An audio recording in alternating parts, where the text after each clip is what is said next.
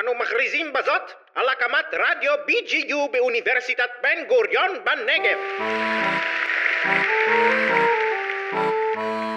ספרות, זה הכל. הפודקאסט של המחלקה לספרות באוניברסיטת בן גוריון בנגב. בהגשת גלי סיטון ויפתח אשכנזי.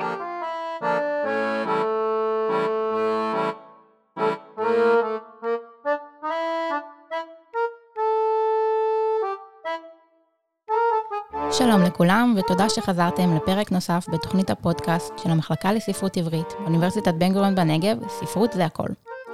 אני גלי סיטון, לצידי נמצא יפתח אשכנזי, איתנו באולפן נמצא גם בוזי רביב, מנהל כל הפודקאסטים של האוניברסיטה בגדול ואח על מלא. היום תתארח אצלנו דוקטור ענת וייסמן, מרצה בכירה. זה נורא מצחיק להגיד מרצה בכירה. ענת מרצה במחלקה לספרות עברית באוניברסיטת בן גוריון בנגב, אחת ממייסדות ועורכות כתב העת אודות. אנחנו נדבר עם ענת על הסמסטר האחרון בחסות הקורונה, שהיה שונה ומאתגר, על האופן שבו היא תופסת את תפקידה כמרצה, יחד עם הדרך המפותלת שעשתה עד שהגיעה למחלקה. מה שיפה במקצוע הזה, למרות שמאוד סבלתי בכל התהליך של להיות ראויה למקצוע הזה ולקבל משרה במקצוע הזה, סבל שלא יתואר. זה לא מסלול שאני ממליצה, רק למי שחייב. נדבר גם על מסות והמאפיינים הייחודיים של הסוגה הזאת. המסע היא תמיד סוגה. סליחה, דפקתי על השולחן מרוב התלהבות. נסיים עם טיפ חשוב מתחום מומחיות נוסף של ענת, שלא בטוח שכל המאזינים שלנו מכירים. בזה אני מרגישה שאני באמת יכולה לעזור לציבור. יאללה, יפתח, בוא נתחיל. איזה כיף שאנחנו נפגשים. כן. ממש. ולהיות פה בממשות הזאת של האוניברסיטה. זה כל כך, כל כך היה לי חסר. איך היה לך באמת הסמסטר האחרון? תראו, זה היה בהתחלה ממש, הייתה לי התנגדות אה, מאוד קשה לזום ולריחוק מהאינטימיות של הכיתה. ולאט לאט נוצרה אינטימיות בתוך המסגרת הזאת, אבל זה לא, אה, לא הקל על הגעגועים שלי למבנה הפשוט הזה, שהוא כל כך היה מובן מאליו, של כיתה, של אנשים שבאים, מתאספים ביחד, רואים את הפנים אחד של השני, יש הרבה שוליים, יש, זה לא רק ממוקד מטרה, יש את, זה, הרבה פעמים לומדים הרבה יותר מ... מכל מיני דברים שהם לכאורה לא שייכים לשיעור, אבל בעצם הם סימנים מזהים, נקודות ציון הכי חשובות. אבל זהו, אני מקווה שזה ייגמר כבר ונוכל לחזור.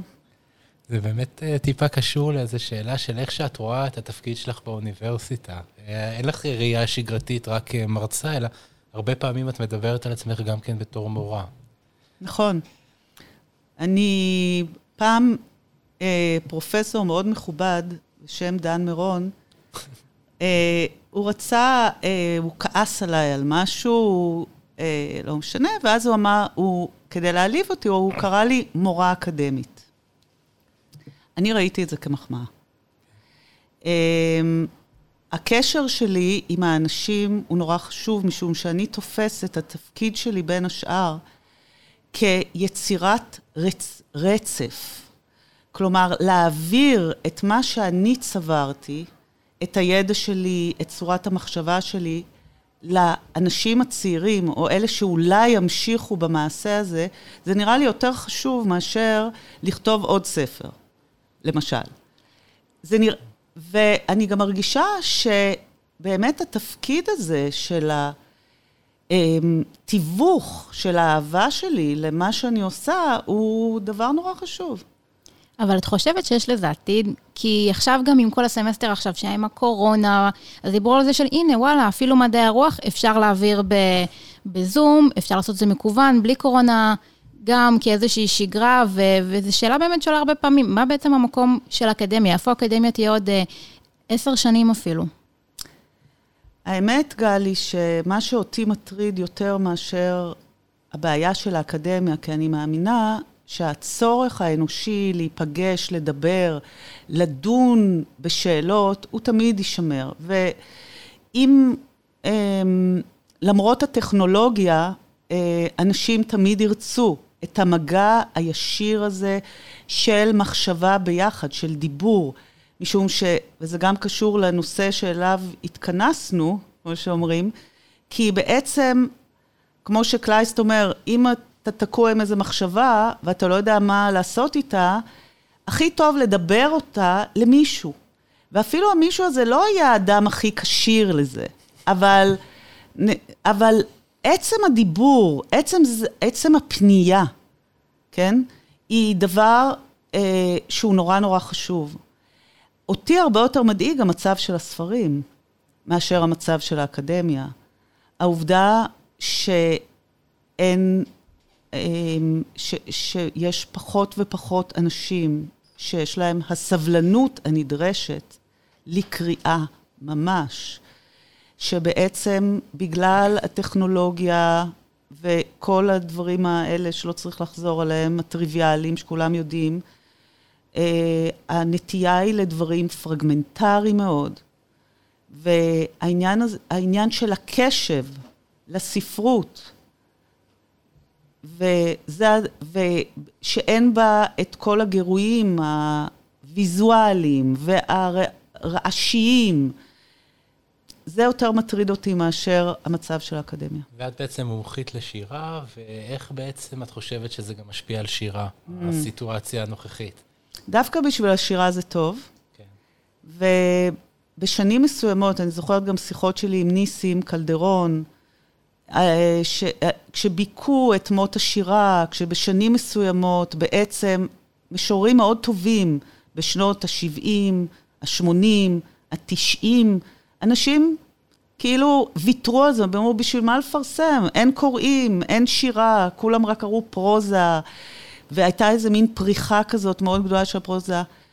וזה מה שיפה, כלומר, ברגע שבאמת הקשב, כן, חוץ מאשר מקרים כמו החברה הגאונה, שזה הפך להיות באמת, שאיזה חידוש ברומן, ואגב, יש לנו בהודות אה, מאמר מאוד יפה של שירה, על... שיר הסתיו. את שיר הסתיו, כן, על חברה הגאונה. אה, הנה, למה צריך אוניברסיטה? אני מדברת בצורה אסוציאטיבית, כי המסע הזאת, היא נוצרה בטרמפ עם חוקרת שירת ימי הביניים, חביבה ישי, שבה דיברנו על החברה הגאונה, ואז אמרתי לשירה, יאללה, תכתבי לנו מסע. בשביל זה צריך פגישות פיזיות. טרמפים. כן. וטרמפ עם חביבה ישי. וחוקרות ימי הביניים.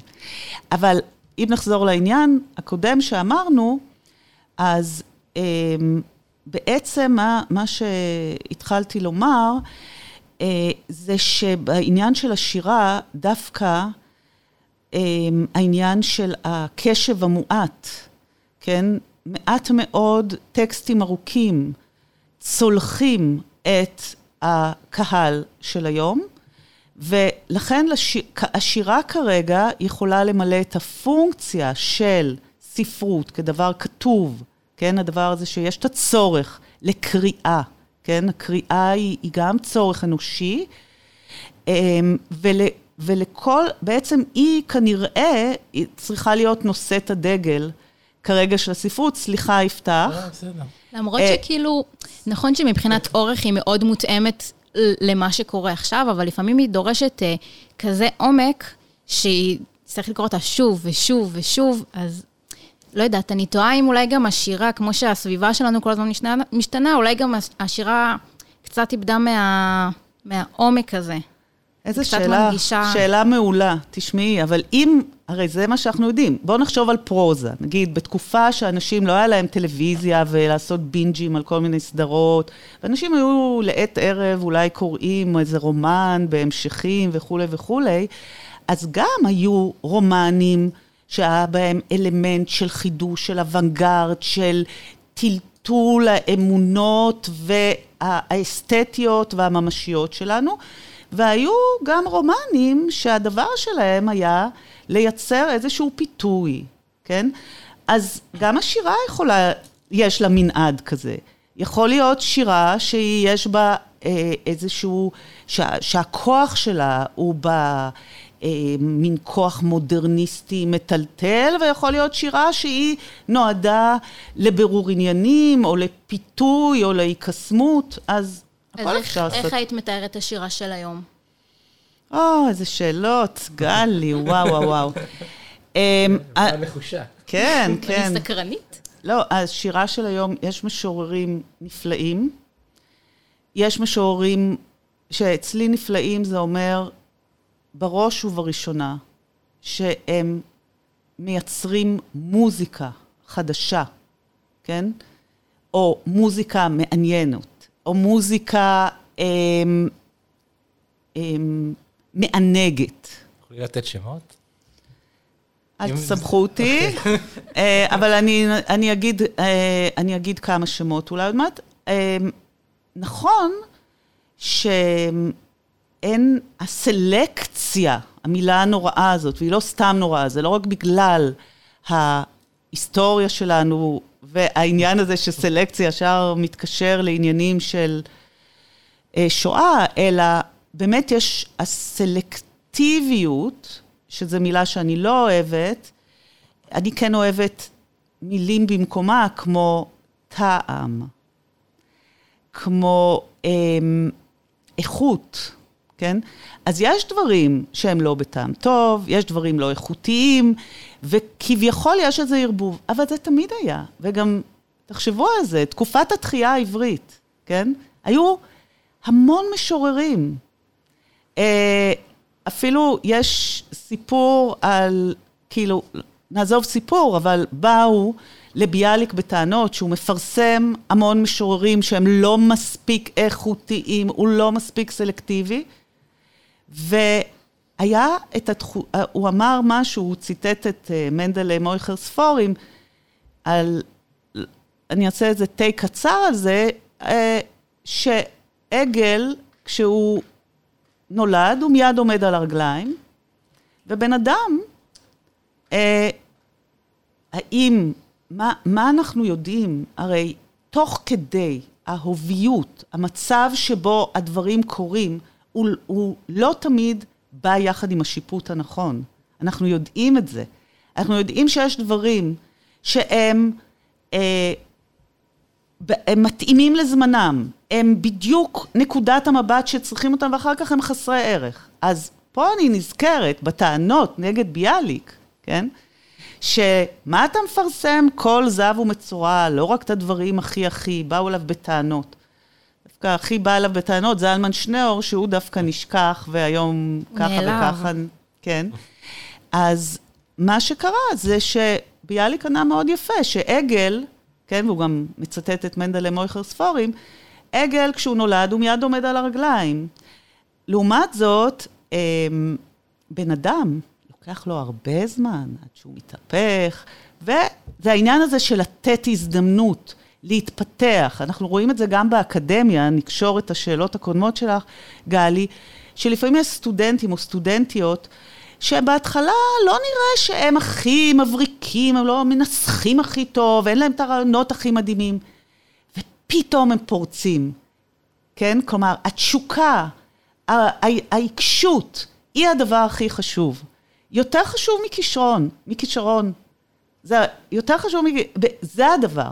עכשיו, מה אנחנו יודעים? עכשיו, לי ברור, בגלל שאני טיפוס מודרניסטי, old fashion, עם נטיות קלאסיציסטיות, לי ברור מה נכון ומה לא נכון, מה אמיתי ולא אמיתי.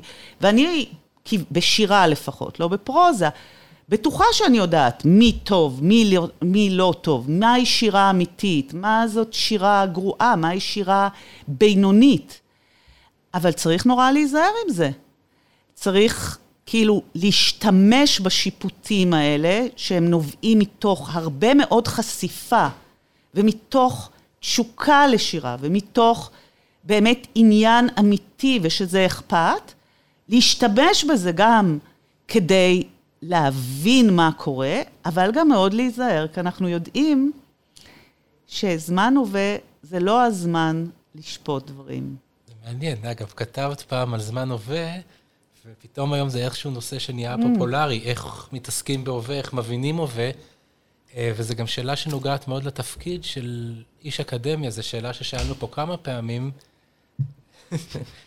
אה, איך את רואה, כלומר, את התפקיד שלך בזמן הווה? כלומר, רק בתור מרצה, את צריכה לחקור את ההיסטוריה של הספרות, איפה את עומדת כסוכנת פה בתוך הסיטואציה?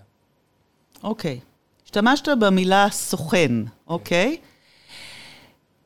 תראו, מה שיפה במקצוע הזה, שבאמת, אני, למרות שמאוד סבלתי בכל התהליך של להיות ראויה למקצוע הזה ולקבל משרה במקצוע הזה, סבל שלא יתואר. זה לא מסלול אה, שאני ממליצה.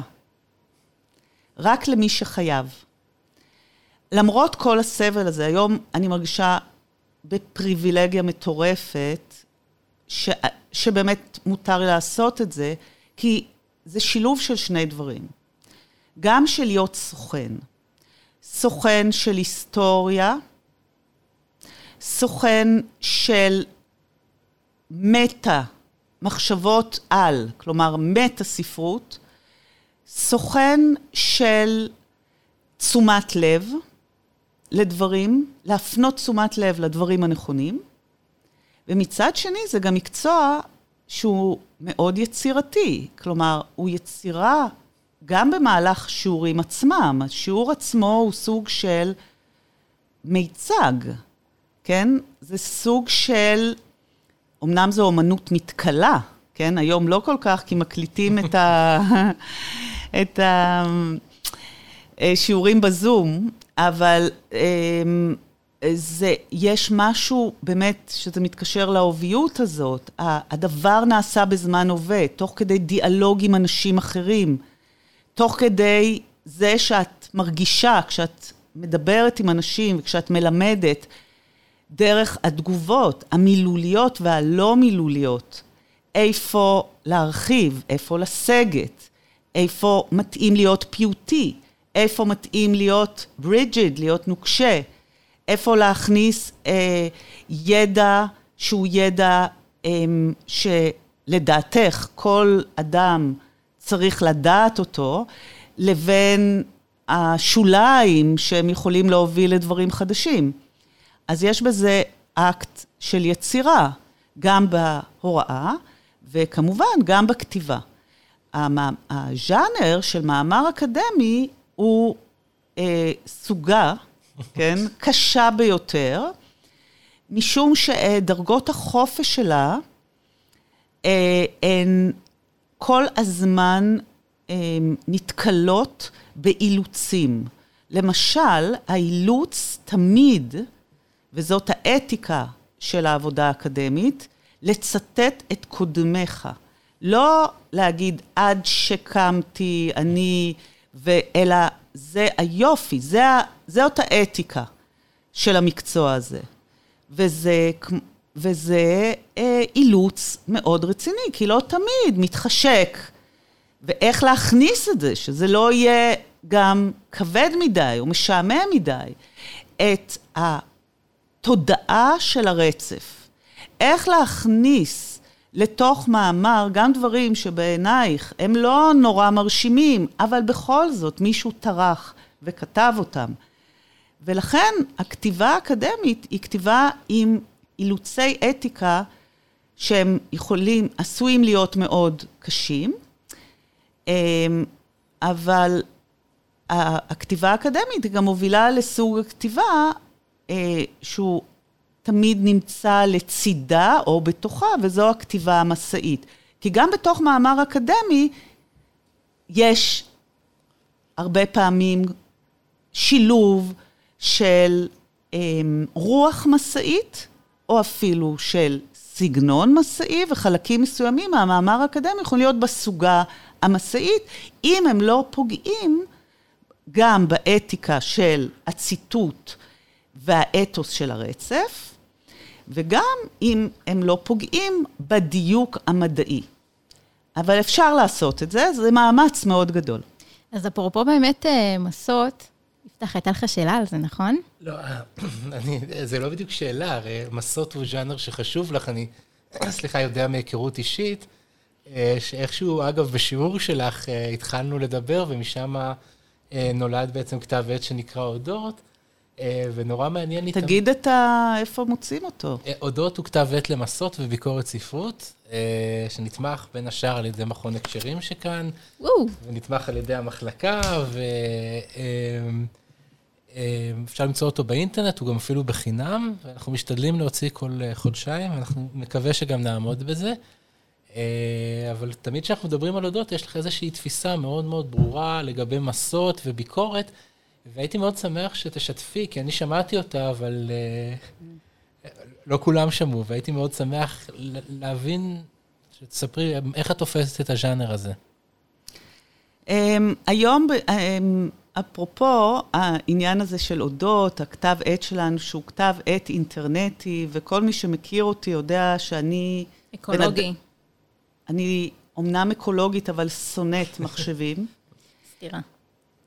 וכבר הקמתי ביחד עם אנשים נוספים כבר שני כתבי עת אינטרנטיים, כן. בניגוד לדעתי, מה שנקרא, יש לי דעה ואני אה, חלוקה עליה.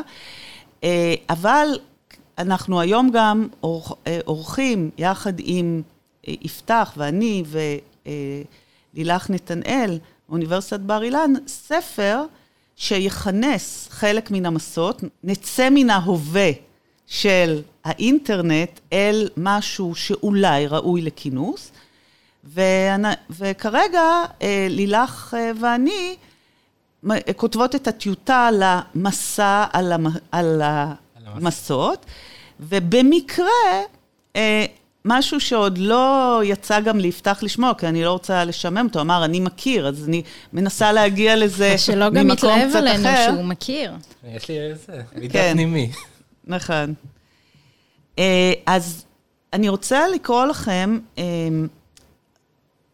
אה, משהו של תשובה של אחת המשאיות הפחות ידועות בארץ, עזה צבי. ספר של המסות שלה אה, ראה אור, יצא ספר המסות שלה. אגב, הספר נקרא חיבורים. כן? כלומר, לא מסות.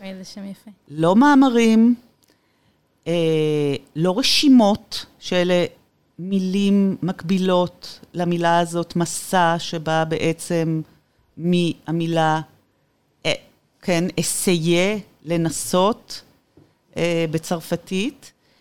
אה, ואז הצבי, שהייתה גם מתרגמת ומסעית, אמ, זכתה לאחד מהרעיונות של עילית ישורון, ואני רוצה לקרוא לכם תשובה, לקרוא לכם תשובה לשאלתה של עילית ישורון, את כותבת מסות, מה יש במסות שהולם אותך?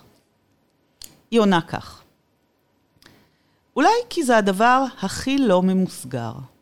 כל כתיבה היא פתיחת דלת, ושירה היא סוג של קריאת דלק, דלת חזקה, ושירה היא סוג של קריאת דלת חזקה.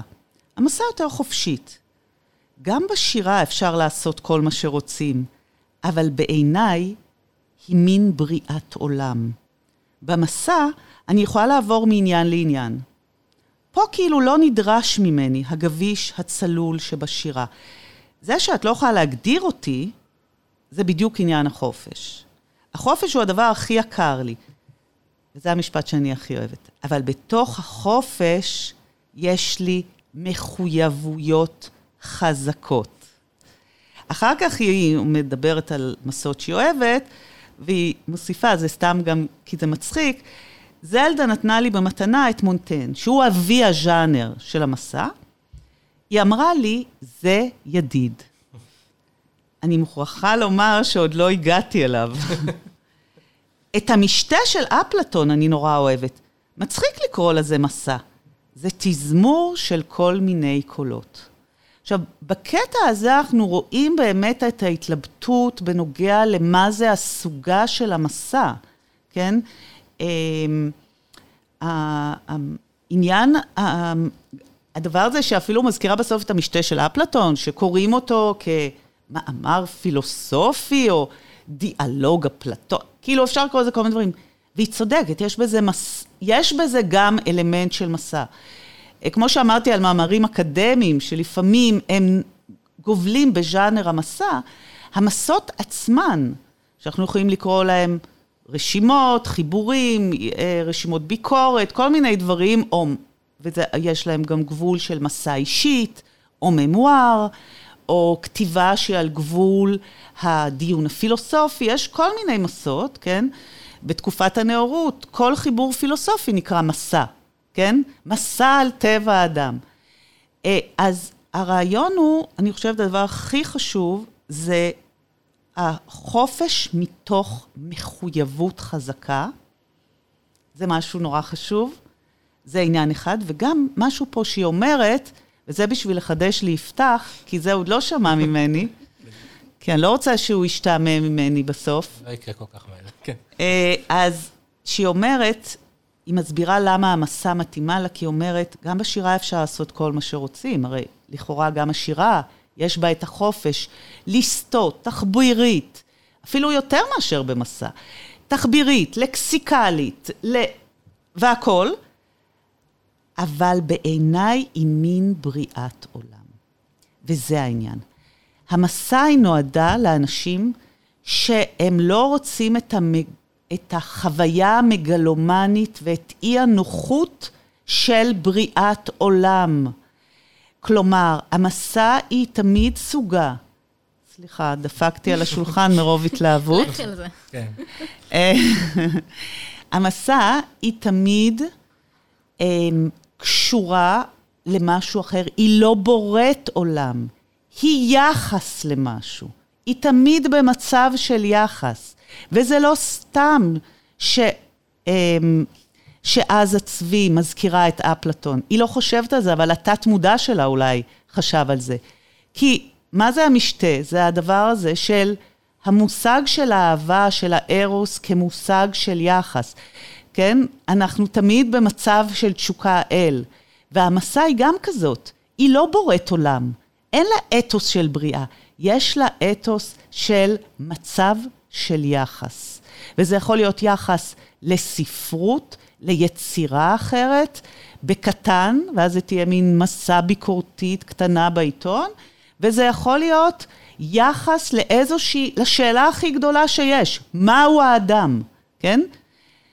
וזה תמיד יהיה מתוך חופש ומתוך מחויבות חזקה. אגב, מחויבות... כן. אה, מהי המסלול המחויבות שלך אל הספרות? כלומר, דיברנו על זה ש... כלומר, איך הגעת אל הדבר הזה, איזה דרך עשית? היה דיבור על סבל, אנחנו רוצים לשמוע גם על הסבל. סטודנטים צריכים לשמוע שזה לא רק כיף לכתוב אם- אם- דוקטורט. אם לקום וללכת, אז עכשיו. גלי, אני לא מרשה לך. לא מרשה לך, אנחנו לא יכולים בלעדייך כבר. אוקיי, הסבל. תראו, אני אזכיר פה את אימא שלי.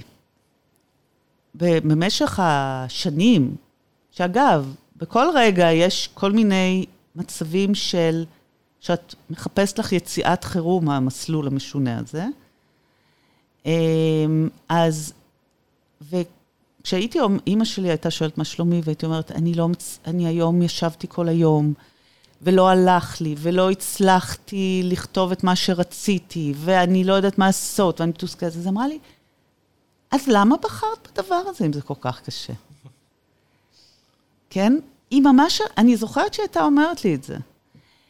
וזה באמת הכריח אותי לי, לשאול את עצמי את השאלה הזאת, והתשובה היחידה שיש לי לומר זה, כמו כל הדברים הכי, שהם הכי משמעותיים לנו בחיים, כן? גם ללדת זה קשה.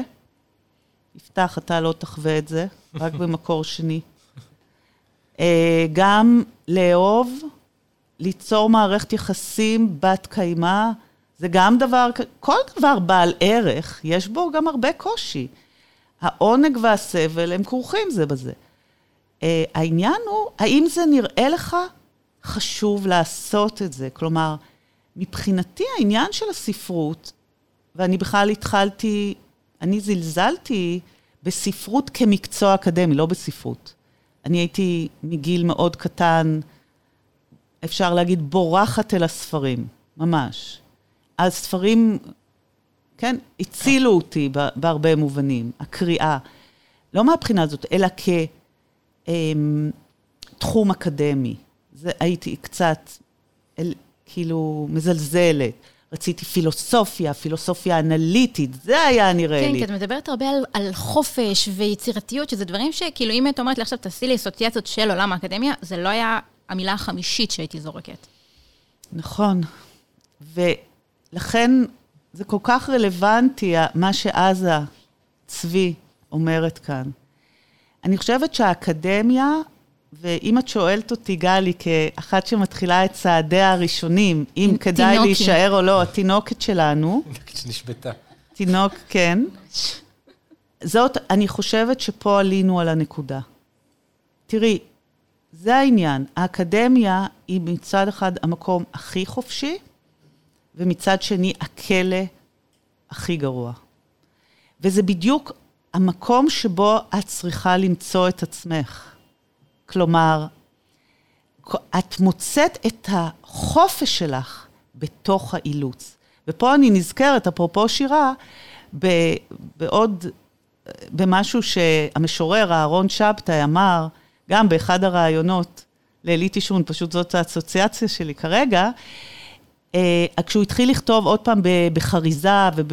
אז הוא אמר, כאילו הוא דיבר על האילוץ הזה, על התשוקה לאילוץ דווקא. כלומר, זה, זה דבר, אה, וזה בדיוק תגובת נגד ל, כדי להגיע ל, ל, ל, לעומק, לגביש, ל, למחשבה חדשה, צריך לעבור דרך איזשהו אילוץ, והאקדמיה נותנת את זה. את שתדעי שאת הסיבה שנשארתי בתואר שני. אוי, איזה מושמו שלי. באמת. איזה מוטה. באמת, לא זוכרת, באתי לך כזה שבורה באמצע סמסטר א', ואמרתי לך, אני לא מבינה, אני לא מבינה, כאילו, אני יושבת שעות בחדר, ומה, אני מוצאת תרופה לסרטן? לא. אני עושה משהו חשוב? לא. למה? כאילו, כל החברות שלי יוצאות בשישי? לא. אני צריכה לשבת ולקרוא מאמר. למה? כאילו... יאו. ומה אמרתי לך? אמרת לי שאת חושבת ש... כן. שזאת הציונות היום. ציונות? כן, אמרת לי שכמו שיש אה, תלמידי חכמים שהמטרה שלהם זה ללמוד ולשמוע, זה התפקיד שלנו באקדמיה, וביום שהפסיקו לקרוא את ברדיג'בסקי, מבחינתך משהו ב... ב... כאילו, מה, את אומרת שציונות זו מילה שתת מודע שלי החדיר, ושאין סיכוי שאמרת אותה? כן, לא, לא בגלל שאני אנטי-ציונית או משהו כן, כזה. כי זה לא שלך. זה לא, זה זה לא לא מילה שלי. שלך. אז מעניין מה אמרתי לך. לא, אבל שזה, שזה, שאת רואה בזה שליחות, ש...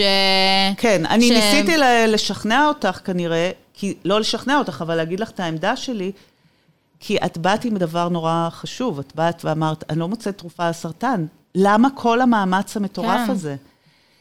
ואז באמת החשיבות של הדבר הזה, אם באמת, נכון, אני חושבת שברגע שברדיצ'בסקי, אף בן אדם לא יקרא את ברדיצ'בסקי, העולם יהיה פחות טוב.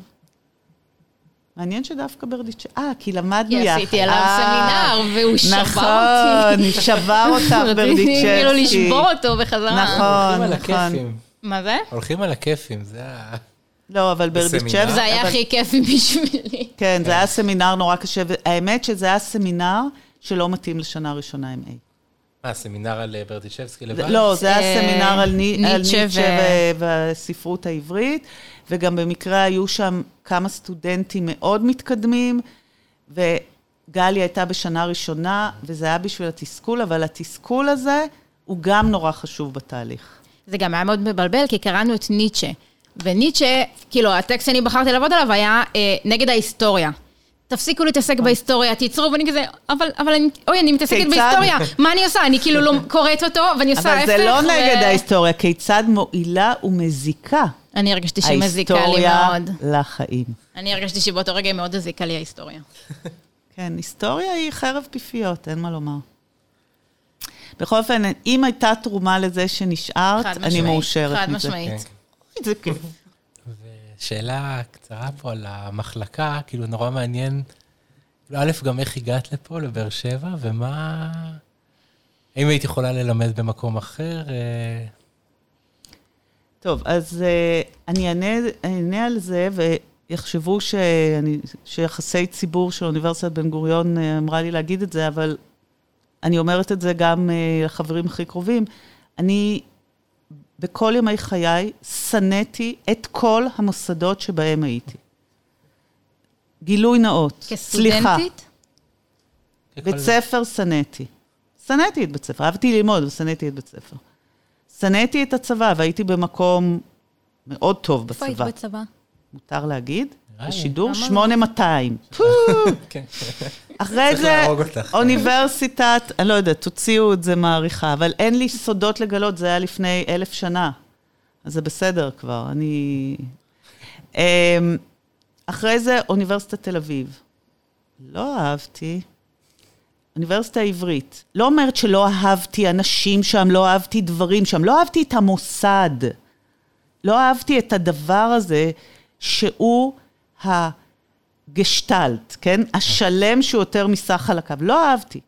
אחרי זה האוניברסיטה העברית, הגעתי בפעם הראשונה לאוניברסיטת בן גוריון לאיזה ג'וב טוק. בכלל לא במחלקה לספרות עברית. לא אספר את הסיפור הזה כי אני לא העניין. והתאהבתי כבר ברגע שנכנסתי לאוניברסיטה, היה שלט, מעשן יקר, נא לזרוק את הבדלים. אמרתי, אוניברסיטה שכותבת מעשן יקר, מה יכול להיות רע במקום הזה? ולא התאכזבתי. תראו, ידוע שהמחלקה לספרות עברית באוניברסיטת בן גוריון, לא יודעת אם ידוע, ואם זה לא ידוע אז אני אגיד את זה, זה המחלקה הכי כיפית בעולם, מבחינת יחסי אנוש, מבחינת גיוון אנושי ואינטלקטואלי.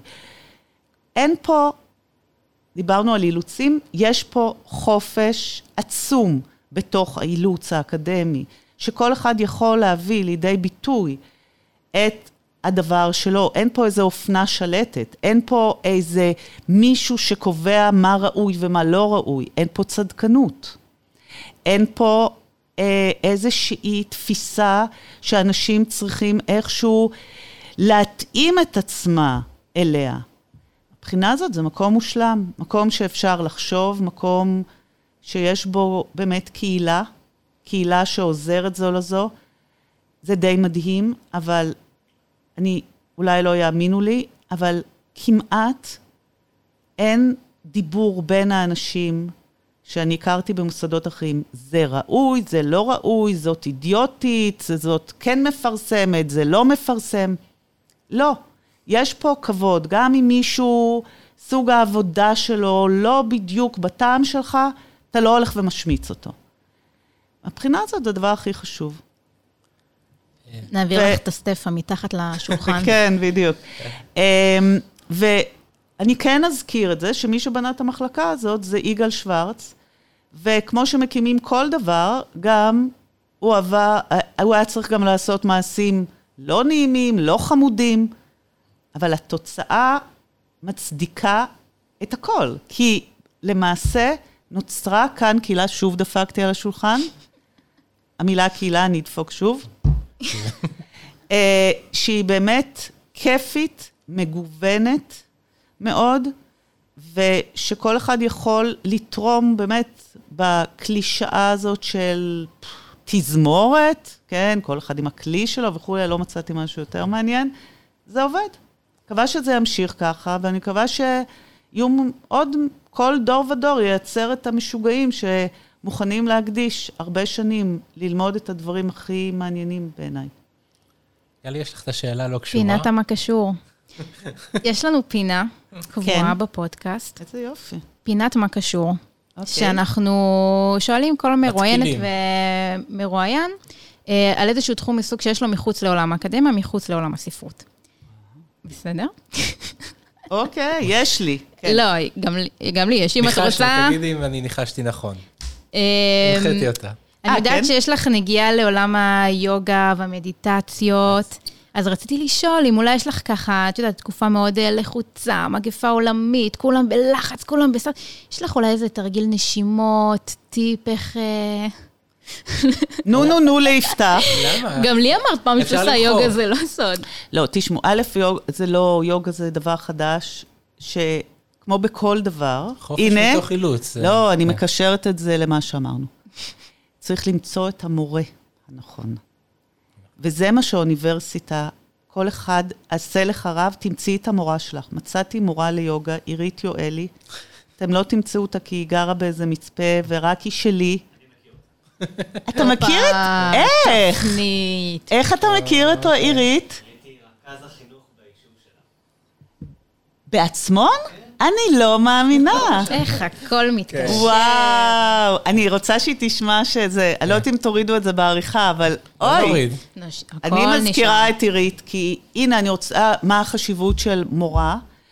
עכשיו, אני אגיד לך למה, אני קיוויתי שתשאלי אותי על תחביב אחר שלי, כביסות.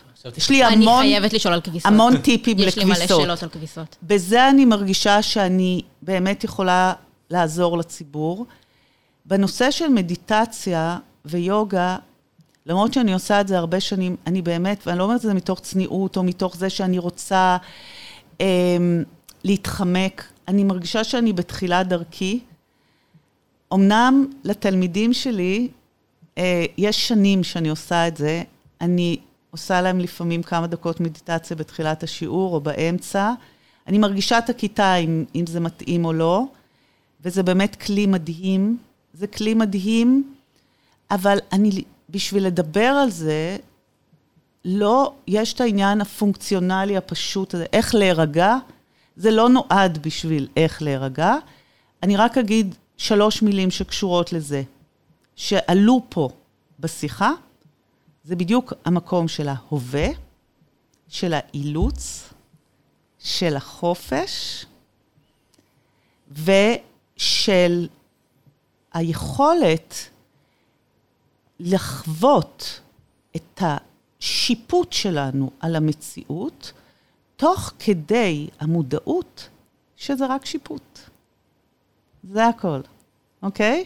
כלומר, זה להיות נורא רציני, אבל גם להבין שהשיפוטים שלנו, האסתטיים, האידיאולוגיים, הם כמו עננים והם עוברים. אז רק אני אגיד את הדברים האלה כדי לקשר אותנו לנושא, ובעניין כביסה, אם יש לכם שאלות, כל דבר. אני חייבת לשאול על. חומץ, סליחה, אני אוקיי. שמעתי אה, שמועה, לא באמת, אני חייבת לדעת. Now האם זה talking, נכון כן. ששמים קצת חומץ אה, יחד עם המרכך? מעולה. אני ממליצה לכל אישה, לכל אדם, לכל ילד, לכל זקן, לטפל במכונת הכביסה כך. פעם בחודש בערך, לשים בתא של המרכך חומץ, אבל לא החומץ הגרוע, כי הם מוסיפים לו קרמל וכל מיני דברים מוזרים, אלא חומץ, תפוחים אפילו אורגני או משהו אמיתי, איפה שבתא של אבקת הכביסה, סודה לשתייה, האבקה. אה, כן, בתא של האבקה סודה לשתייה, בתא של המרכך, אמ, חומץ, תפוחים. תפוחים, לשים את מכונת הכביסה על 90 מעלות. את יכולה להכניס בפנים סמרטוטים או דברים של 90 מעלות, להפעיל את מכונת הכביסה. זה מנקה את כל המנגנונים הפנימיים. מאוד ממליצה את זה, על זה, ואני חושבת שהדבר הכי חשוב שאמרתי ב... עד עכשיו, אם יש משהו אחד שתיקחו מ-40 בדיוק. הדקות אני האחרונות, לקחתי, אני... כן, זה מאוד חשוב, וכבר נתתי את העצה הזאת להרבה אנשים שפתאום הרגישו שהכביסה פחות אה, רכה, שיש ריחות לא נעימים, זה פותר את כל הבעיות. אם זה לא פתר בפעם אחת, צריך לנסות עוד פעם. ובעניין, אני לא הייתי מוסיפה חומץ למרכך. סליחה, לא יודעת מי נתן לך את העצה הזאת. רשתות חברתיות, זה היה נשמע לי קצת מוזר, לכן אני רוצה... כן, אז או-או. זה לא, זה מצב של או-או, כן? לקרוא, אגב, ספר נפלא של קירקגר.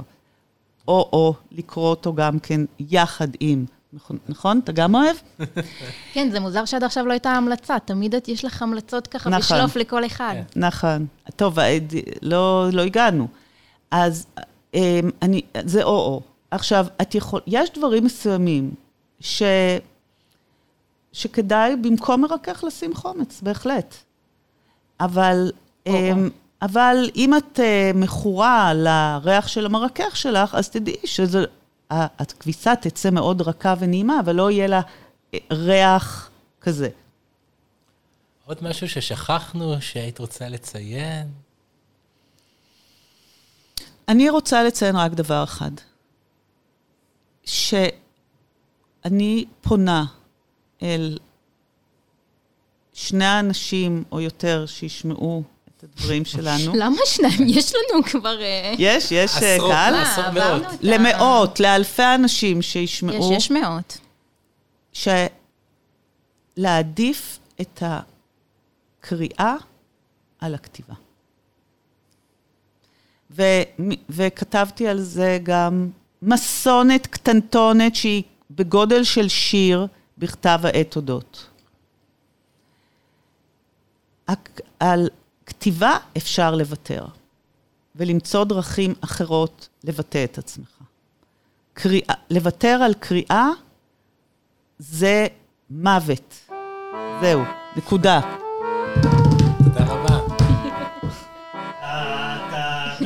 אתה מכיר את רונית וגם אתה מכיר את... אה, אופטימית זאת. מוות, לא פחות. אין דרך אחרת. זה היה פרובוקטיבי. זה היה שעה בלי שמצמצת אפילו. איך כן. מתקדם ה... שאלה פרובוקטיבית.